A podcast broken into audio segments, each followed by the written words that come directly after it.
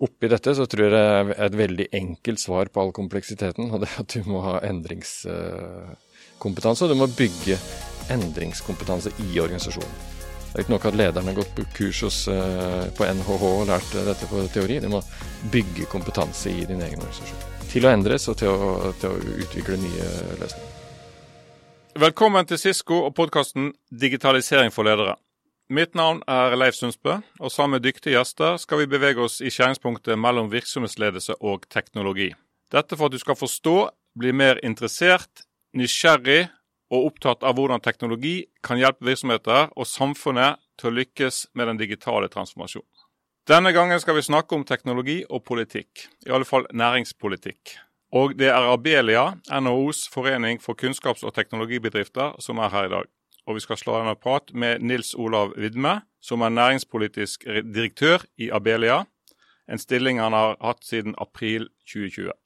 Nils Olav har bakgrunn fra bl.a. Nærings- og fiskeridepartementet. Han har jobbet som advokat i både NHO og del av Piper. Han har vært politisk rådgiver for statsråd Viktor Normann fra 2001 til 2004. Han er utdannet jurist med en eksekutiv MBA i strategisk ledelse fra Norges handelshøyskole.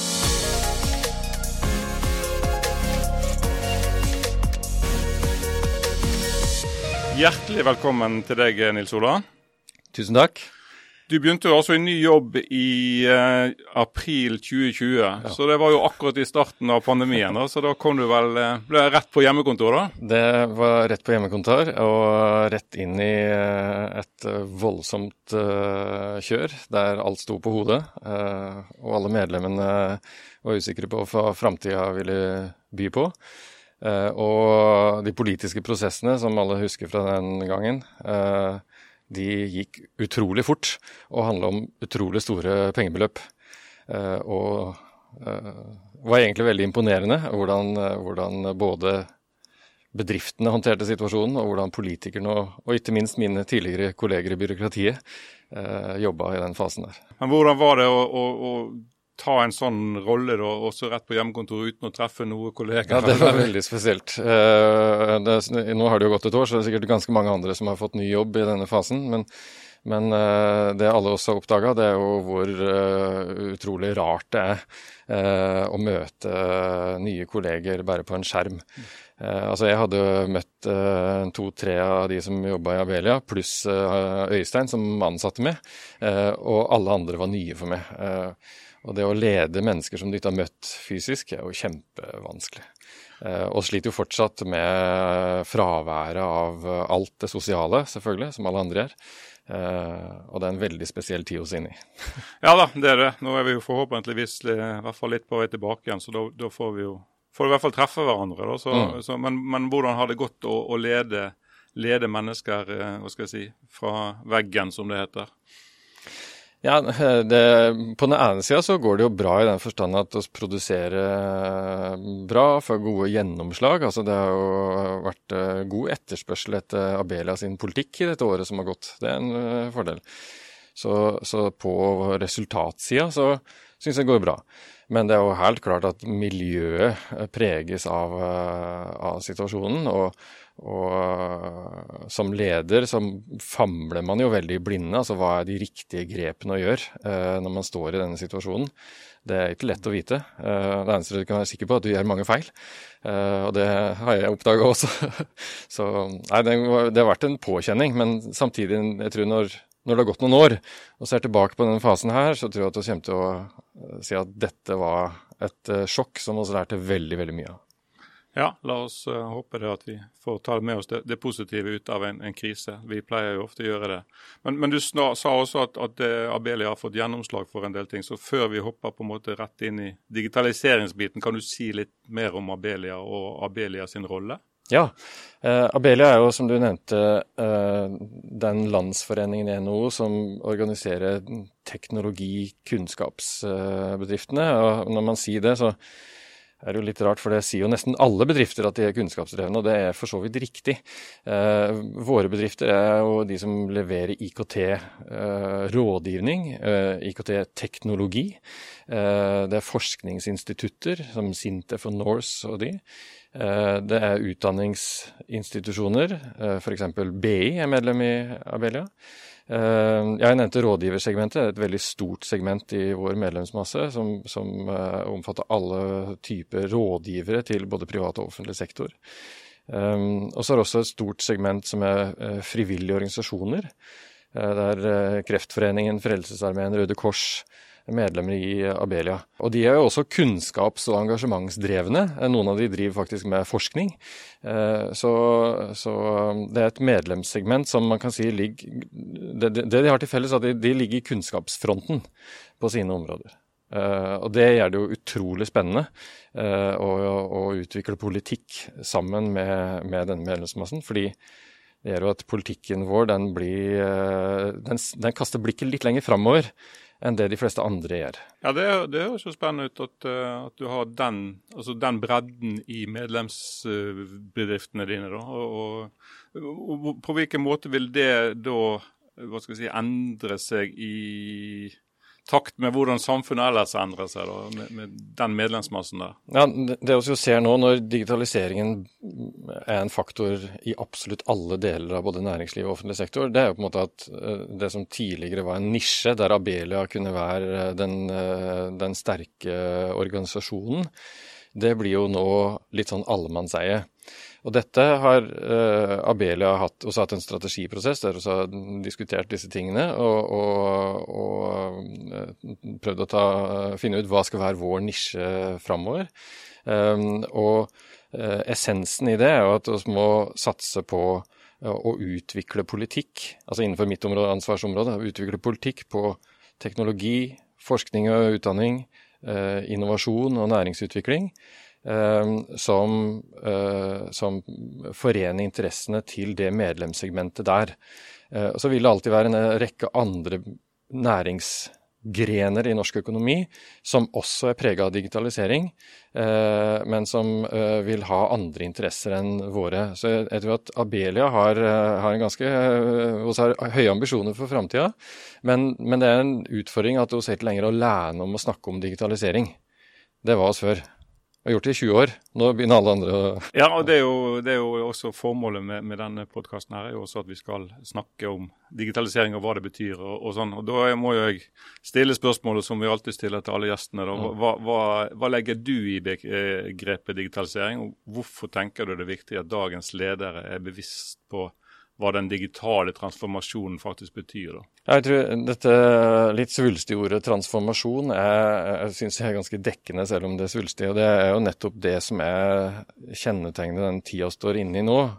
De fleste av oss griper til koronapandemien som forklaringsfaktor på alle endringene, men, men jeg tror at det er, det er åpenbart en forbigående fenomen. Da vil vi oppdage at vi står inne i en mye større og kraftigere transformasjon som drives av teknologi. Eh, digitalisering er for så vidt uh, hoveddelen av den teknologibaserte endringen.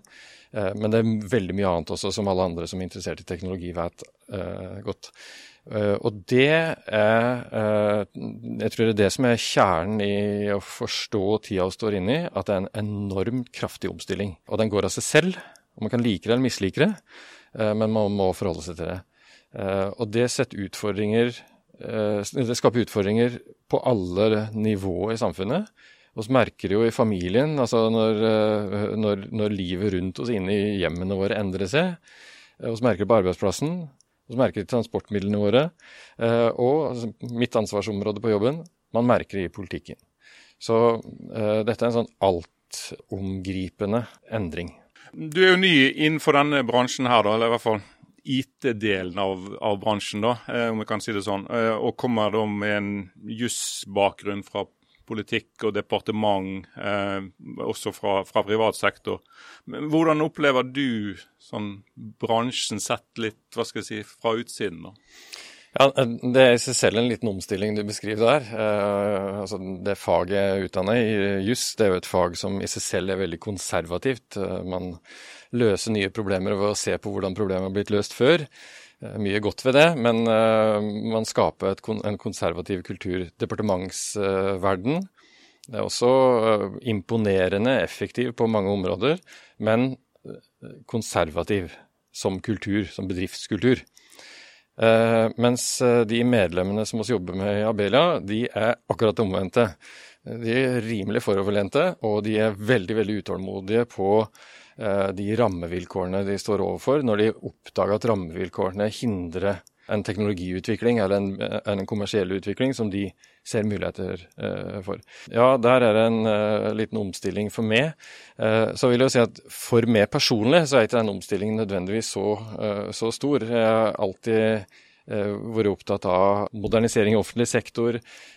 Konkurransepolitikk handler jo veldig mye om hvordan innovasjon skje eller hindres av, av, maktbruk i privat sektor, eller politiske hindre som skapes i offentlig sektor. Eh, så interessen for hvordan markedsøkonomien fungerer og utvikler seg, den, den har vært sentral for meg hele tida. Så, så, eh, på den ene sida litt stor omstilling, på den andre sida har jeg kommet enda mer hjem eh, enn en jeg har vært før.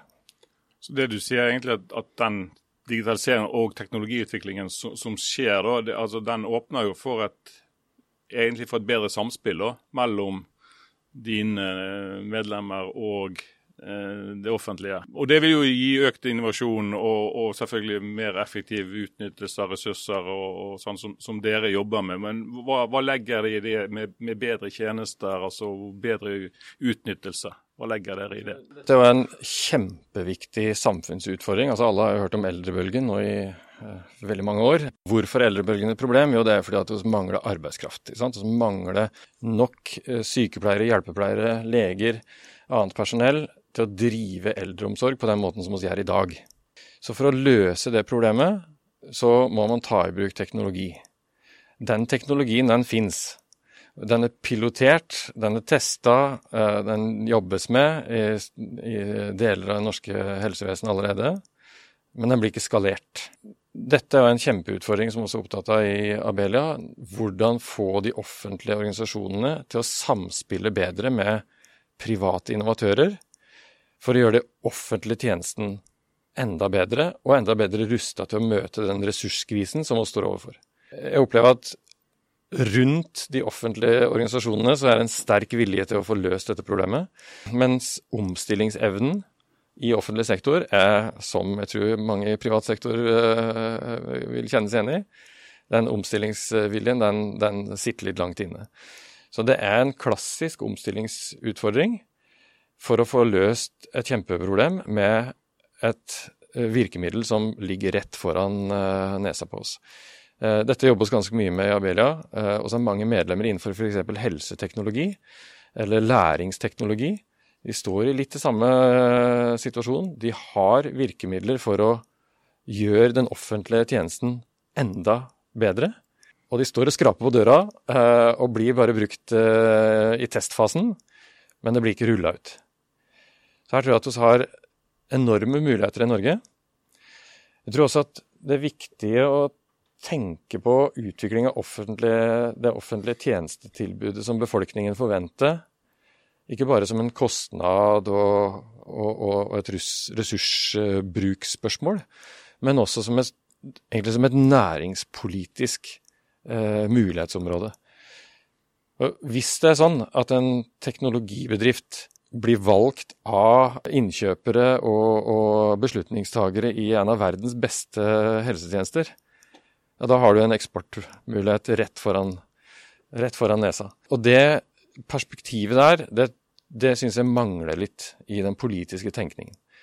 Eh, man ser problemet, man ser utfordringene. Man er skeptisk til å ta i bruk løsningene. Og man har overhodet ikke tenkt at dette egentlig handler om framtidas uh, arbeidsplasser i privat sektor. Vi, vi, ser jo også det at det, det, det er uh, veldig positive initiativ i forhold til uh, å få til et samarbeid mellom offentlig og privat mm. sektor. Og, og, da er det jo men, men, det er jo resultatet av det som på en måte vil avgjøre hvorvidt en lykkes eller ikke. da. Men, men er det etter din mening, er det realistisk at vi kan få til det samarbeidet mellom offentlig og privat sektor, og, liksom, og få gjøre gull av gråsteinsdata, da, som, som eh, Nikolai Astrup sier, og skape nye tjenester, og som du sier da, som også på litt sikt kan bli da, en eksportvare til utlandet? da. Eh, for Det er jo noe som også Erna Solberg ønsker å predikere at hun ønsker å få et, et løft innenfor IKT-næringen, også som eksportvare? Altså, jeg er helt sikker på at det der er mulig, og jeg er også ganske sikker på at det kommer til å skje.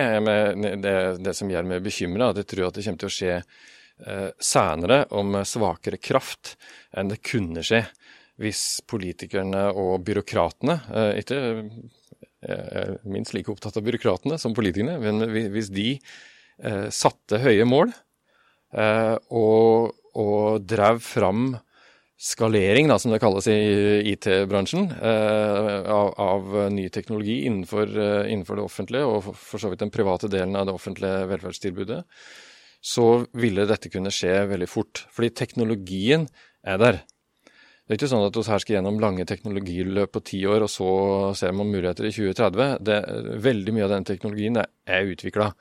Den er kanskje ikke helt ferdig ennå på alle områder, men den er veldig nær å være ferdig. Eh, så det å få dette samspillet forløst, det tror jeg eh, er veldig eh, Det er jo ikke lett, det er jo kjempevanskelig, men jeg, tror det, det ligger rett foran oss. Men det krever jo at politikere og byråkrater har et litt annet perspektiv. Jeg har ofte, Når jeg har holdt foredrag om dette, så har jeg sagt at vi mangler et helsenæringsdepartement. Helsedepartementet de gjør en god jobb som helsedepartement. Næringsdepartementet som generalistnæringsdepartement. Men du mangler noen som tar spesialansvar for helseteknologi. Vi har akkurat det samme problemet på noen andre områder, f.eks. dette life science-området, som er utrolig løfterik, som har eh, vanvittige muligheter hvis, eh, hvis, de små frøene som ligger der, får lov å vokse. Eh, men noen må rydde bort de politiske hindrene. Noen må skape de politiske og, og, og de dynamiske mulighetene i samspill mellom forskning, teknologiutvikling, gründere og uh, offentlig sektor. Hvis man får det til, så kan man få kjempestore vekstmuligheter. Dette har vi også sett på andre områder der vi har det gode samspillet. Offshorenæringen i Norge er jo en historie om samspill mellom regulering, næringsutvikling og noen ressursmuligheter som alle ser at ligger der. Eh, det samspillet det kunne gått mye dårligere enn det har gjort for, dette, for denne nasjonen. Men det har gått veldig veldig bra. Og det er ikke fordi de har vært venner og i lomma på hverandre, men fordi de har hatt et konfliktfylt, men samordna utviklingsløp gjennom 50 år. Og det der må vi få til på nye områder også. Og jeg har tro på at det kommer til å skje. Jeg er bare litt redd for at det går for lang tid for å komme i gang. Vi i Cisco har jo noe erfaring med det også, hvor vi har samarbeidet med Helse Sør-Øst innenfor uh, videoteknologi bl.a. Og med det utviklingsmiljøet som vi har her på Lysaker. Da. Og det har jo gitt fantastiske resultater. da. Um, innenfor bl.a. Um, forskning på, på kreft, og, og kunne bruke teknologien til det. Da. Og da ser vi mye mer på hva som kommer ut av det, altså resultatet istedenfor teknologien i seg sjøl. Eh, og det er et, et, et samarbeid som, som, fungerer veldig bra. Så, så hvordan, hvordan, kan vi da utvikle det enda bedre, den type samarbeid? Jeg, altså, jeg, jeg tror stikkordet det du eh, nevner nå, det er jo Helse Sør-Øst og Cisco. Altså, det er de som produserer helsetjenesten og de som har teknologien, som finner disse løsningene sammen. Det er der nøkkelen ligger. sant? Eh, og dette ser vi så veldig mye av den teknologien som skal hjelpe eh, primærhelsetjenesten til å løse eldrebølgebehovene og, og rus- og utenforskapsrelaterte behov bedre. Eh, de krever jo det samspillet med teknologiaktørene der ute. Veldig mye av IKT strategitenkning, investeringstenkning, det sentraliseres. Det kan være riktig når man er helt sikker på hva som er den gode løsningen. Men nettopp i den fasen vi er nå, så handler det om å ta teknologi som fins, og implementere den i en helsetjeneste som er i omstilling. Og da er det eneste sikre at du ikke vet hva som er den endelige løsningen. Og nettopp det å få denne innovasjonsprosessen der til å skje der ute, altså i møte mellom den engasjerte sykepleieren og den eh, teknologiinteresserte eh, nerden for å få pasienten eller foreldrene eller pårørende sin, sin hverdag til å, gå, til å, gå, bedre, eller behandlingen til å gå bedre, det er der nøkkelen ligger. Og det ser vi også, altså det disse, disse, næringene ønsker seg, det er jo sånne de kaller det testbeds, eller, eller regulatoriske sandkasser. altså de, de ønsker sånne politisk skapte verktøykasser som gjør at de får testa ut teknologien sin i møte med de som skal produsere resultatet, enten det er en lærer eller en sykepleier eller en lege. Og det er dit, det er dit må komme. Og da må byråkratene og politikerne skjønne at det er dette de må tilrettelegge for. De trenger ikke å sitte og bestemme seg eh, gjennom årelange beslutningsprosesser om å investere mange milliarder av kroner på en teknologi som var pop for fem år siden. Eh, det må man slutte med. Vi er straks tilbake.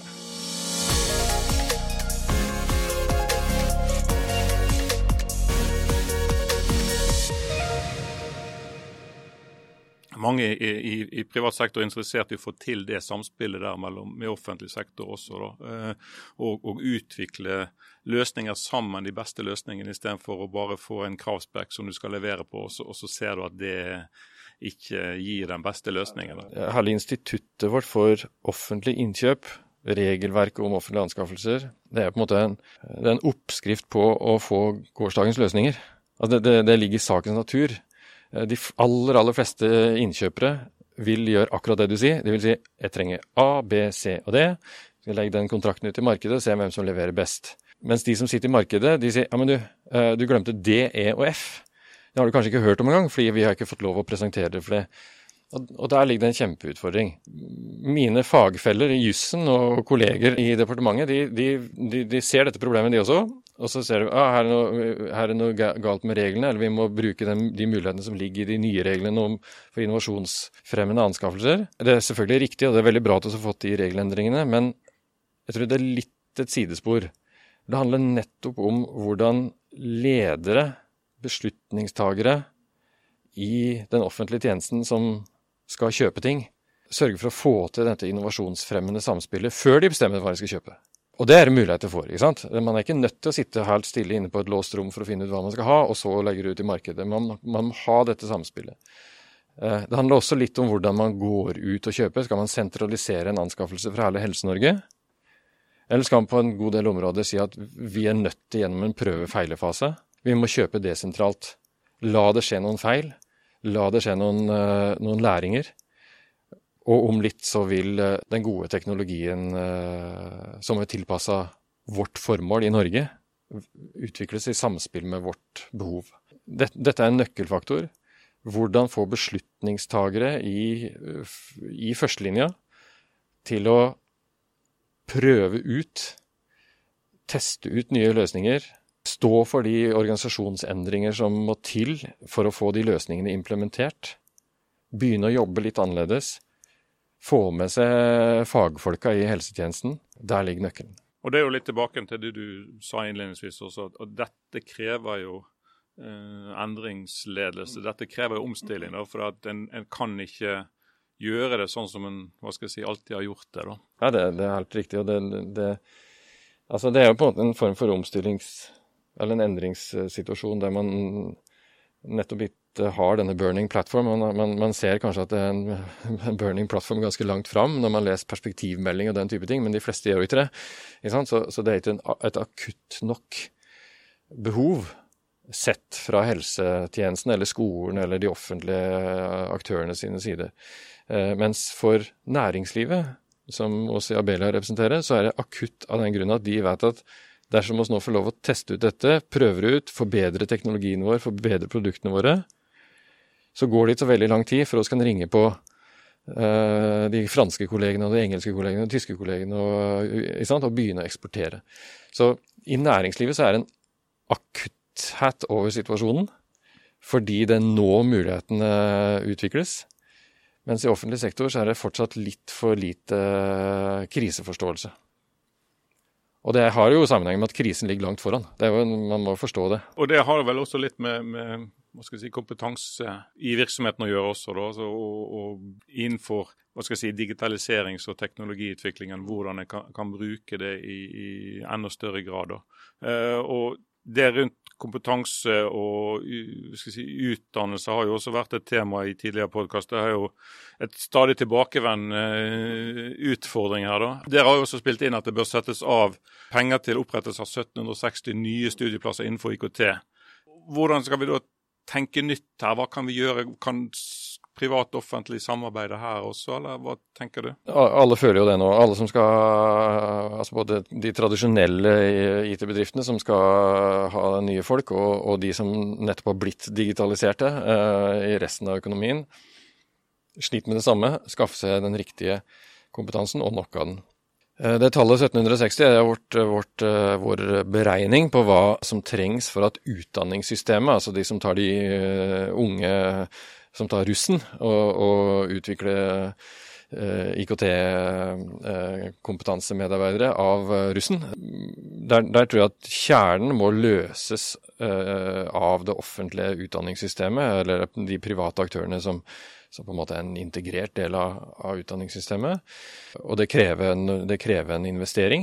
Men så tror jeg at man må også huske på at Eh, det er ikke nok å, ikke nok å utdanne en person som er ferdig om eh, fire-fem år. Eh, den personen skal også videreutdannes de neste 30-40 åra av sitt liv. Så samspillet her, igjen, mellom offentlige, den offentlige kjernetjenesten og ulike former for private supplementstjenester, det tror jeg er en utrolig viktig faktor.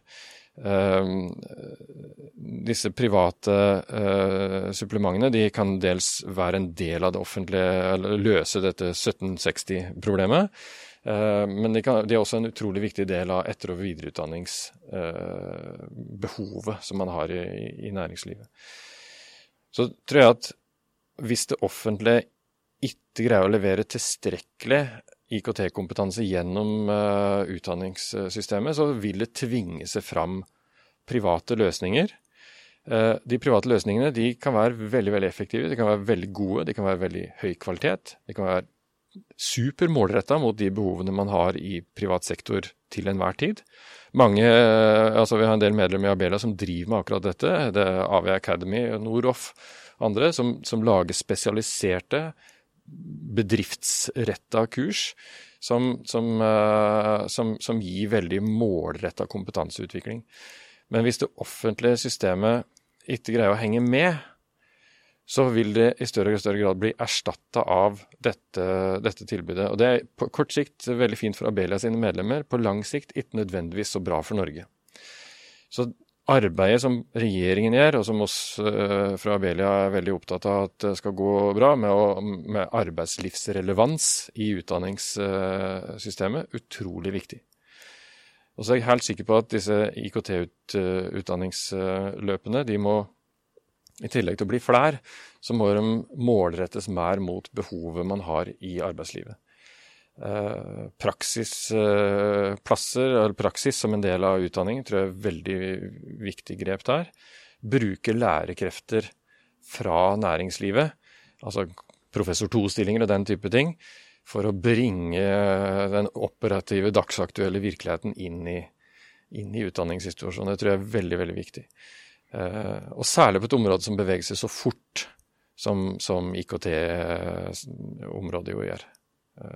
Da er det enda viktigere med praksisnær utdanning. Du har jo også en egen podkast i Abelia, eh, hvor du analyserer partiprogrammene som de politiske partiene skal gå på, til valg på til høsten.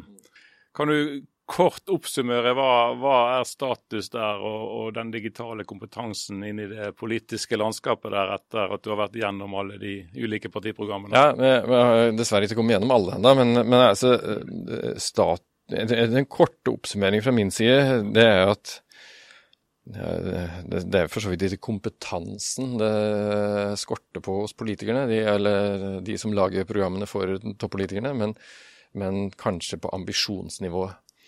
Eh, altså Jeg skrev bl.a. I, i, i den analysen jeg gjorde av Høyre sitt program, at altså, hvor er skolepartiet Høyre, og, og, og, hva slags ambisjoner har de på utdanningsteknologi. Det er jo helt fascinerende når man begynner å se på hvordan disse teknologiske verktøyene kan lære unger utrolig mye mer effektivt vanskelige ting, som i hvert fall jeg slet med når jeg var på, på skolen. Og hvis man bare ser det og begynner å tenke hva betyr det for skolens evne til å utjevne forskjeller, evnen til å fange opp de som faller utenfor, og når de faller utenfor, faller hjem på gamingrommet sitt. Det er noen utrolig fascinerende muligheter her som politikerne må ta tak i. Men da må de ha ambisjonene, og det er der jeg syns det skorter litt. Det er for ullent formulert. Det er for lett å prioritere ting ned når uh, pengene skal telles opp.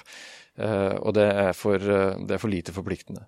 Den generelle observasjonen at de norske politikerne de, de har høye mål på, på ullent språk, men, men, det er for lite forpliktende. Og det er for lett å vike unna når prioriteringene skal, skal skje. Betyr det at du mener at Norge er for dårlig rustet til fremtidens eh, næringsliv, når du ser tilbake på det? Norge er jo veldig veldig godt rusta.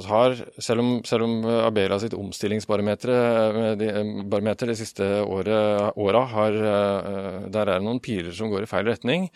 Vi taper på spisskompetanse, taper på breddekompetanse også. Og så, så, er det jo fortsatt sånn at Norge har en offentlig sektor som bra digitalisert, eh, ikke på toppen enda. Eh, har et næringsliv med generelt høy kompetanse, men ikke den spisskompetansen som trengs for å digitalisere. Men, men nettopp det, altså, eh, hvis vi ser på en norsk industribedrift som har overlevd Mange av de er jo veldig gamle, de har overlevd i mange mange tiår. Så er de jo gått fra å være arbeidskraftintensive mekaniske bedrifter til å bli høyteknologibedrifter. Så det å ta det neste steget over i eh, en datadreven verdiskapning. og Det ser vi jo, ser jo med Cognite som spant ut av, av Aker, hvordan det der kan skje. Det, så, så, det der Jeg tror at norsk næringsliv er bra rusta, men det, det ekstra, eh, den ekstra utviklingsimpulsen uh, som man kunne få fra et ambisiøst politisk uh, nivå, det mangler oss. Det er litt denne forslitte historien om uh, månelandingen til Kennedy. ikke sant? Uh, det ville gått bra med USA uten den månelandingen. Men alle vet i ettertid hvordan, hvordan, all den innsatsen som ble generert der, skapte teknologi som vi fortsatt uh, nyter godt av. Så det å ha politikere som setter høye, ambisiøse mål, og som rigger alle ressurser inn mot å nå de, de målene, det tror jeg ville skapt en ekstra vekstimpuls også i norsk næringsliv, både på kort sikt, men særlig på, på litt lengre sikt. Er det det også, for Du sier også i, i poden din at, at, teknologi ødelegger arbeidsplasser og skaper nye arbeidsplasser. Er det det du Ja, det, altså det er jo den gode gamle sjompetrianske kreative destruksjonen som vi uh, har uh, levd med siden 1700-tallet. Men det, det, handler egentlig mer om hvordan politikken kan bidra til å sette inn et ekstra gir på Eh, på den, den omstillingen, og, og, sørge for at oss får ikke bare får uh, høyere fart i den omstillingen, men også at den farten får en retning. Det, og det tror jeg blir en, en, veldig, veldig viktig del av den politiske debatten uh, framover. Det er hva er de kjerneverdiene som det politiske systemet må sørge for at vi greier å beholde? Uh, det altså, Abelia er en del av det organiserte arbeidslivet. Det der er jo utrolig viktig det er en viktig forutsetning for den tilliten som preger det norske samfunnet, at vi har godt regulerte arbeidsplasser. Men for at det skal ha en verdi, så må det være arbeidsplasser som skapes i Norge. Og, og, og, det har man ikke trengt å tenke så fryktelig mye på i norsk politikk de siste tiåra, men det må man tenke mer på nå. Når vi får en industriutvikling, datadreven, digitalisert, hvordan sørge for at mye av den arbeidskraften blir brukt i Norge istedenfor andre land. For hvis vi bare blir sittende igjen med eiermiljøer og designmiljøer og ingen produksjonsmiljøer, da hjelper det ikke å ha et godt eh, organisert arbeidsliv for uh, designerne. Altså. Vi må ha uh, en arbeidsplass for alle. Og, og, det krever politikk å sørge for at vi får utløst de mulighetene som ligger foran oss, og at vi tar riktig grep, sånn at veldig mye av de mulighetene realiseres i Norge. Da vil industribedriftene, eller oljesektoren for den saks skyld, greie å få til den omstillingen som alle snakker om.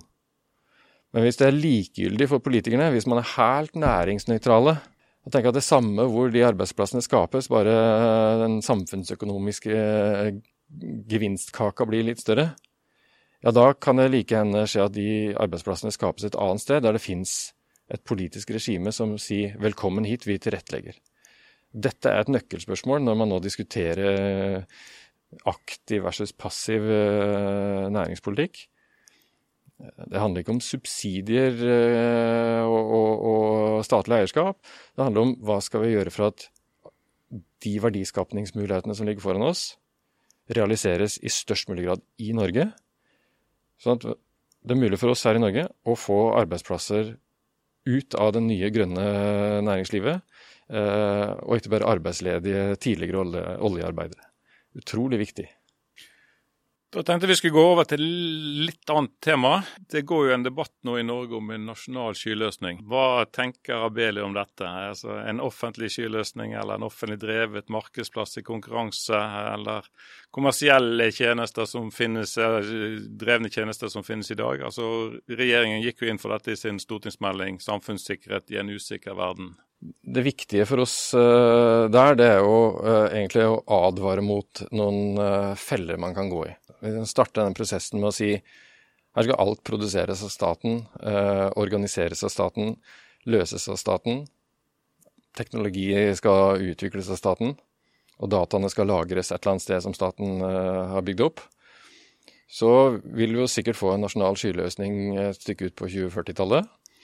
Men, men, det er jo ikke sånn staten opererer. Hvis, altså, når staten bygger sykehus eh, for å ta en annen statlig sentral funksjon, så, så, er det jo privat sektor som leverer så å si alt når dette skal settes sammen.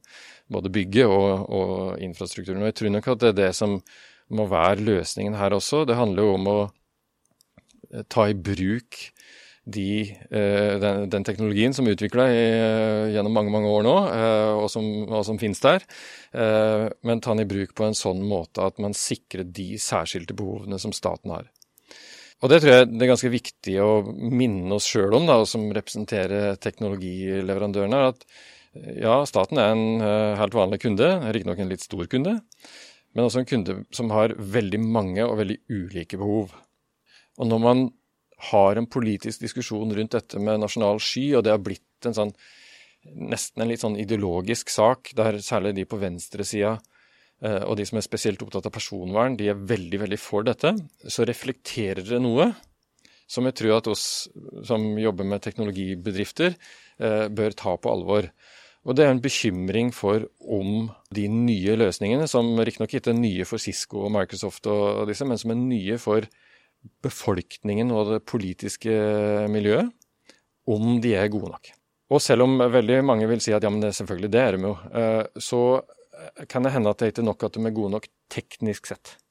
De må også være gode nok til å ivareta den tilliten som det er utrolig viktig å, å bevare. Og når, noen, når du har medieoppslag om at helsedata er sendt til India, så kan det være så ufarlig eller bare vil. Det skaper mistillit og en motreaksjon. Så bare det å, å, å, tenke at ja, det kan være fornuftig at en del av disse dataene som er spesielt sensitive, eh, fortsatt skal lagres et sted i Norge. Altså at man bygger et eh, datasenter som staten har en eller annen form for kontroll med, utover den kontrollen man vanligvis har i datasenteret. At det kan være en, eh, en fornuftig løsning, fordi det er så mye politikk i den informasjonen som, som skal lagres. Men så, hvem skal bygge det datasenteret? Hvem skal designe infrastruktur og programvare og applikasjoner og sånne ting? Ja, Hvis staten skal gå i gang med det, som sagt, da vil det ta veldig lang tid før disse behovene blir løst. Så jeg tror at her igjen må finne det riktige samspillet der staten definerer noen behov, sånn at teknologinæringslivet ser at ja, ja, staten har litt andre behov. Og så finner man løsninger på det. Og så utvikles eh, dette i et godt samspill. Ja, for det handler veldig mye om, om det som du sier med, med, personvern. Det handler jo ikke om teknologiske løsninger, for de, de finnes jo. De finnes jo. Mm. Så, så det, er jo, det, er jo, veldig mye relatert til det du sier med tillit og, og personvern. Og det går jo en det går jo en debatt i EU om det akkurat nå, da, med, mm. med, med, EU versus USA. Da. Så, mm. så, hvordan ser du på det da, med altså, behovet for skyløsninger med, med EU sitt regelverk og personvern eh, mot eh, hva skal jeg si, amerikanske myndigheters rett til overvåkning? Ja, Altså, det, dette, er en, uh, dette, er jo en, veldig kompleks uh, situasjon. som, altså denne Schrems 2-dommen som du, som du uh, refererer til her, den, den, har jo kommet som et lite sjokk på alle de som har utvikla en eller annen forretning på toppen av en dataflyt som går på tvers av Atlanteren. Så å undervurdere hvilke kompleksiteter dette Det skal ikke gjøre. Tvert imot, det, det skjønner jeg, det er utrolig krevende. Men dette reflekterer jo egentlig en forskjell i beskyttelsesnivå. Altså Når man har et høyt personvernbeskyttelsesnivå i EU, og så har man i hvert fall på noen punkter et lavere i USA. Uh, og hvis jeg skal være litt sånn uh, europarettsjurist, da, sånn som jeg egentlig har vært i noen år, uh, så, så, vil jeg tenke at ja, men det skulle jo bare mangle at ikke EU vil passe på at, at persondata som et individ i Europa overlater til en bedrift, har det samme beskyttelsesnivå, uavhengig av hvor den bedriften velger å lagre denne, denne informasjonen. Så, så det er en underliggende, ganske forståelig situasjon her. Uh, og så tror jeg at det å finne løsninger på dette, det er jo enten denne veldig kostbare løsningen, som jeg vet at uh, Microsoft har, uh, har tatt, si, tatt, ansvar for å, å, bygge opp. Og lage, å lage, egentlig lage en vegg som gjør at du kan sikre at alt lagres i Europa. Det er en løsning. En annen, Selv om det lagres i Europa, betyr jo ikke det at ikke de dataene kan bli utlevert til USA. Nei, nei, så man må, altså, man, men de sikrer jo da denne, de sikrer jo denne øh, overholdelsen av de kravene. Um, og, og hvis, altså, hvis, alle skal gripe til den muligheten, så, så, er det jo en veldig det er en stor kostnad som skal tres nedover næringslivet og, og, og konsumentene i tida foran oss. Den andre løsningen er en politisk løsning. Eh, som enten handler om å få EU til å akseptere ulikt uh, beskyttelsesnivå, eller få USA til å heve sitt. Eh, de to er jo kompliserte i seg selv. Så, så jeg har ikke helt jeg har ikke svaret på hvordan dette skal håndteres, men jeg tenker at det der Dette er på en måte et globaliseringsproblem, nok et blant mange andre, som vil finne sin løsning over tid, som akkurat nå er veldig komplisert. Men tilbake til statlig sky, så viser jo dette nettopp at når man i Norge har krav til lagring av en del type informasjon som er lovregulert, og som er, er, er beskytta for å ivareta noen utrolig viktige hensyn, så øh, er nettopp det å sikre både øh, offentlig kontroll, men også geografisk nærhet, øh, det er et viktig hensyn. Eh, så Det må man på en måte ta med på kjøpet, altså, når, man skal, når oss, oss, som representerer næringslivet. må ta med det på kjøpet at, at uh, det er noen offentlige behov her som er veldig veldig viktige. Og Hvis vi ser for lett på det, så er vi litt sånn tilbake til altså, hva skjer hvis alle konsumentene begynner å betvile personvernreguleringen? Hva skjer da med digitalisering og datadreven verdiskapning? Jeg tror at vi må, må, erkjenne at beskyttelse av informasjon det er på mange måter en forutsetning for å videreutvikle den digitaliserte økonomien som vi nå står midt oppi. Det tror jeg alle de som er vant med å håndtere persondata har skjønt for lenge siden, så de trengte å høre det fra meg. Men, men, men når vi jobber med politikk, så er det ganske viktig å minne politikerne om at reguleringsregimet på personvern og sikkerhet for, for, for, for data er utrolig viktig. Både for å beskytte dataene, men også for å bevare tilliten rundt de tjenestene som er basert på de dataene. Og tredje punkt, for å sikre at, eh, at videreutvikling av nytt næringsliv innenfor den digitaliserte, datadrevne eh, økonomien skal kunne fortsette. Dette er jo et, et, som du sier, et komplekst område, og det krever jo veldig mye av kanskje spesielt ledere, da, enten du er en tilbyder eller en, en, si, en kjøper av denne type tjenester. Hvilke, hvilke kompetanse, hvilke kunnskap er det en, en leder må ha i fremtiden for å forholde seg til alle, alle disse ulike regulativene, og også hvor, hvor, kan en kjøpe det trygt og ikke kjøpe det trygt? Ja, det, eh, det, siste spørsmålet var hvilke advokater bør mange Det skal jeg la, la, la ligge med. Men altså, jeg, jeg tror Eh, den grunnleggende lederkompetansen som uh, kommer til å etterspørres mye mye mer framover, er jo endringskompetanse. Og endring utløses jo ikke bare av dette metaforiske burning platform, det utløses også av muligheter. Jeg tror det er en litt sånn underkommunisert endringsdriver. Vi har en mulighet, enten griper vi den nå, eller så vil den andre ta den, og da må vi søke jobber der i morgen. ikke sant? Det, det tror jeg er den praktiske realiteten, mye mer enn denne burning platform. Og så tror jeg at eh, det å forholde seg til eh, Altså når du har bygd opp en datamengde, eller du har en databasert eh, forretningsmodell, det å ha forståelse for at den datamengden, den, den har sine egne beskyttelsesbehov som ikke nødvendigvis er viktig for deg selv. Det tror jeg er ganske viktig. Det er litt sånn tilbake til det å snakke om i stad. Altså, om, om du lager en forretning på toppen av norske helsedata, så er det faktisk avhengig av at befolkningen har tillit til at uh, det samspillet mellom de som lagrer de helsedataene og du som bruker, at det funker godt. Så, så, og det er en regulatorisk og politisk side som jeg tror ledere må, må forstå. Og, og, er du medlem i Abelia, så skal Saltis hjelpe dem med det.